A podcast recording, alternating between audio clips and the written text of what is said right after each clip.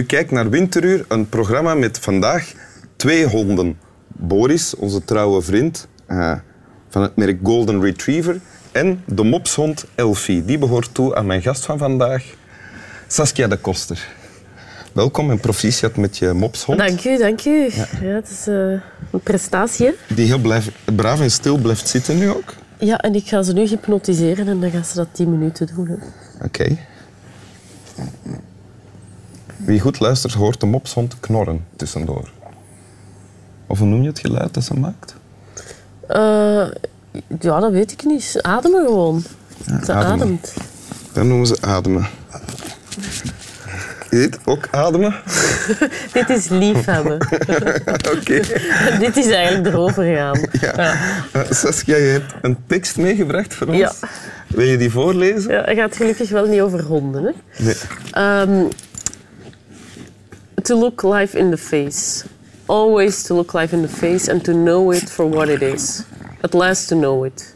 To love it for what it is and then to put it away, Leonard. Dank u wel. Wat- heb je net voorgelezen?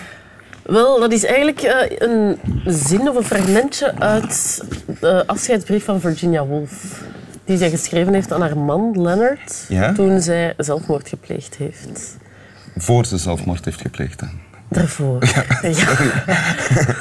Allee, een van haar, ja, ze heeft wel een aantal keer geprobeerd, maar toen eh, Dit was heeft ze het echt gedaan in Ah, oké. 41. Ja, in de rivier. bij de definitieve gelukte poging. Al is dat Bij de gelukte mislukking. Ja.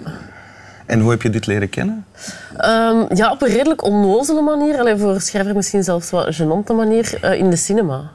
In, de cinema? In de Knepolis zelfs. Ehm, toen ik naar The Hours ging. Dat was een film die gebaseerd is op een boek van Michael Cunningham. En die heeft zich gebaseerd op Mrs. Dalloway. Fantastisch boek Een roman van van, Virginia, eh, ja. Virginia Woolf. Ja? Dus zo eigenlijk, eh derdehands is dat bij mij terechtgekomen. Eh, in de laatste scène waar Virginia Woolf in de rivier stapt, leest zij dit voor. En toen pas was er precies een klik in mijn hoofd of snapte ik iets. En ik was zo ehm, aangegrepen dat ik gewoon uit de filmzaal gelopen ben en echt eh, ja, zo door de nacht ben gaan dwalen en gewoon niet, niet kon praten eigenlijk. Ja? Ja. Omdat ik... ehm, Wat wordt er hierin gezegd dat jou dan zo hard heeft aangrepen? Maar het gaat eigenlijk om, om een, een combinatie van, van dingen natuurlijk. Allee, om te beginnen... Wacht, hè, ik ga er ook even eh Ah. vrijlaten. Ehm, Dag Elfie. Ja, wat gebeurde er met jou? Als je... nee, om, omdat ja, gewoon Virginia Woolf is op zich al zo'n figuur die voor mij al zo groot was. Of ik had ook eh, al heel veel van haar werk gelezen. Ja? Maar toen eh, besefte ik van, zij heeft gewoon heel haar leven ook gewijd aan waar ze uitzonderlijk goed in was en, en wat zij moest doen ook precies. En dus toen wist ik van, ik zit niet alleen te schrijven en alles voor mezelf te houden, En want dat zij- deed ik wel. Ah ja, maar wat zij moest doen was schrijven. Schrijven Ja, ja. en daar gewoon alle uithoeken ook van, van opzoeken eigenlijk. Want zij heeft dingen gedaan, ja, zij wordt zo wel gezien als zo'n beetje het, het zotte genie, maar zij heeft echt allee, de literatuur een, een schop onder zijn kont gegeven. Eigenlijk, door bijvoorbeeld eh, zo de vrij indirecte reden, wat is gewoon regelrecht binnenkijken in de geest van mensen. Voordien werd dat gewoon nog niet gedaan. Ja. En zij probeerden allemaal zo'n dingen uit, gewoon om de werkelijkheid echt bij het nekvel te kunnen grijpen en echt weer te geven. Want dat is wat, wat eigenlijk iedere schrijver probeert. Hè. Zo de werkelijkheid volgens Maar ik, ik onderbrak jou daarnet, want je was aan het zeggen van... eh, Dus je was eh, buiten gegaan. Dat maakte veel indruk op jou, in die mate dat je niet kon praten, zelfs. Ja. En dan veranderde er iets. Ja, toen, toen op een of andere manier begreep ik... Allee, dat was zo... ehm, begreep ik van, ja, ik moet gewoon mijn werk naar buiten brengen en ik ga dat gewoon ook doen. Allee, ik was wel al heel de tijd aan het schrijven en zo. En dat was ook mijn grote, stilzwijgende ambitie in mezelf. Zo van, ah, ik, ik ga de beste schrijver ter wereld worden. Maar, Maar- ik wist van, ja, oké, dan moet ik gewoon eh, publiceren en, en eigenlijk inspringen. En toen, het eh, volgend jaar, heb ik dan mijn debuut gepubliceerd. Ah, dus dit was het kantelpunt voor jou om te publiceren, om met met wat je schreef naar buiten te komen. Ja, ik denk het wel. Ja, ja, dat dat zo... Ja, gewoon om, omdat ik ook... eh allee, zij zegt van, hey, we moeten het leven aankijken, maar ze zegt dan natuurlijk in woorden Ja. Allee, ze heeft dat neergeschreven. En dat is haar instrument om dat te doen, om de werkelijkheid te lijf te gaan Ja. eigenlijk. En dat is het voor jou ook. Ja, en Ja. dat begreep ik van oké, pff, dat is eigenlijk heel simpel. Dan, dan moet ik Het leven aankijken betekent niet alles bij mezelf houden, maar het in de wereld gooien. Het publiceren, het laten Ja, lezen. allee, en het- dat, het feit van eh, iets proberen te doorgronden of, of, eh, is natuurlijk niet zo gemakkelijk. Maar als je weet van, ah, dat is mijn manier, eh, hoe dan ook, dat is eigenlijk heel... Dat is het simpele daarvan. Dat is het mooie. Dat je zo dat door, door hebt. En hierin vind ik, in dit fragment vind ik ook het, het enorm krachtige dat zij een soort, ze echt een ijzersterk verbond met Leonard, haar eh, echtgenoot. En die deden alles samen. Die hadden ook een hele vriendengroep rond hen. Van ehm, knappe bollen die, die gewoon ja, veel discussieerden en, en samen Het gerammel, ontdekkingen het deden. geritsel dat u hoort op de achtergrond is de hond Elfie die ondertussen de het studio onveilig maakt. Ja. Ja. Sorry. Die lampen niet zo mooi. Ik weet het niet. Ze wil daar wel iets mee Of zeggen. interessant, Maar wij ja. weten niet wat. Ja. We kennen haar taal niet. Eh, en dus dit is eh, heel, eh, een heel vitaal, ener- energiegevend stukje tekst. Ja, voor mij wel. Allee, dat is natuurlijk de paradox, hè, dat ze dat geschreven heeft op het moment dat ze afscheid neemt van het leven. Ja. Maar ehm, ja, dat is, eh, je kan pas over iets schrijven ook als, als je daar eigenlijk voor een deel bent doorgegaan, denk ik. En dat betekent niet dat alles wat je op papier zet zo moet druipen van het bloed en de, de, de psychiatrische problemen of zo, want daar wordt zij ook te vaak mee geassocieerd.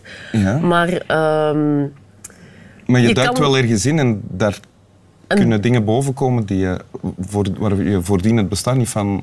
ja, helemaal. Ja, ik denk dat dat goede literatuur is. En Die dat kan ook destructief zijn en, en, eh, en waanzinnig. Ja, dat kan zeker. Hè. Of dat is soms ook het, het angst aanjagen of waarom mensen zeggen van oeh, dat wil ik niet zien, dat wil ik niet lezen, dat is mij te, te veel of te En, maar dat is dan ook bij jou ook het geval.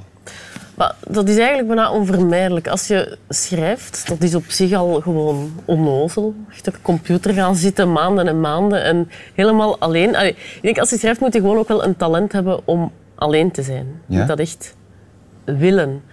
En dan ja, gebeurt daar gewoon iets waardoor je ehm,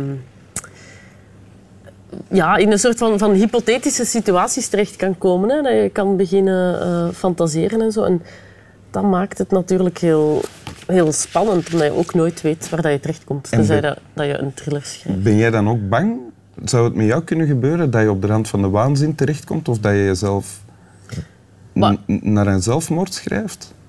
Nee, ik, de- allee, want zelfmoord is voor mij zoiets, ik kan dat eigenlijk niet begrijpen.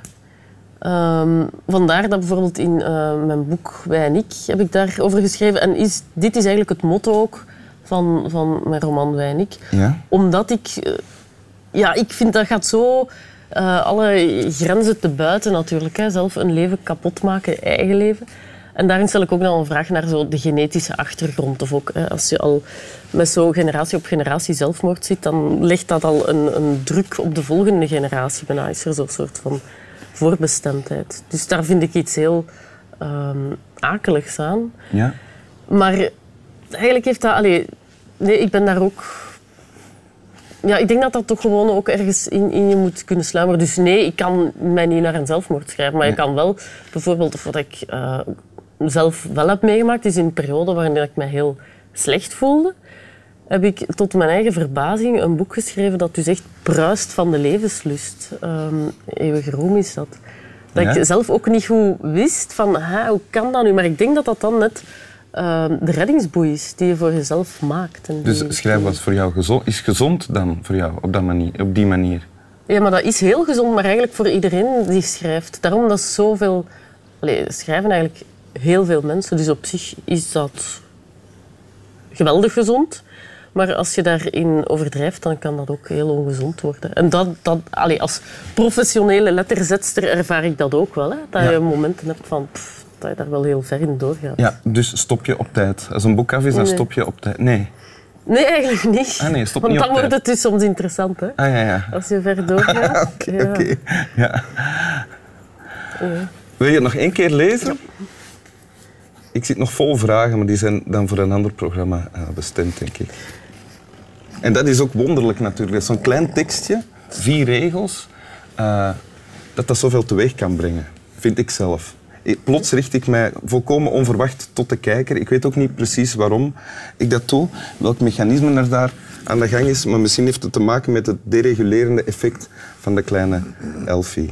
Ga je gang. To look life in the face. Always to look life in the face and to know it for what it is. At last to know it. To love it for what it is and then to put it away. Dank u wel, Saskia de Koster. Slap wel.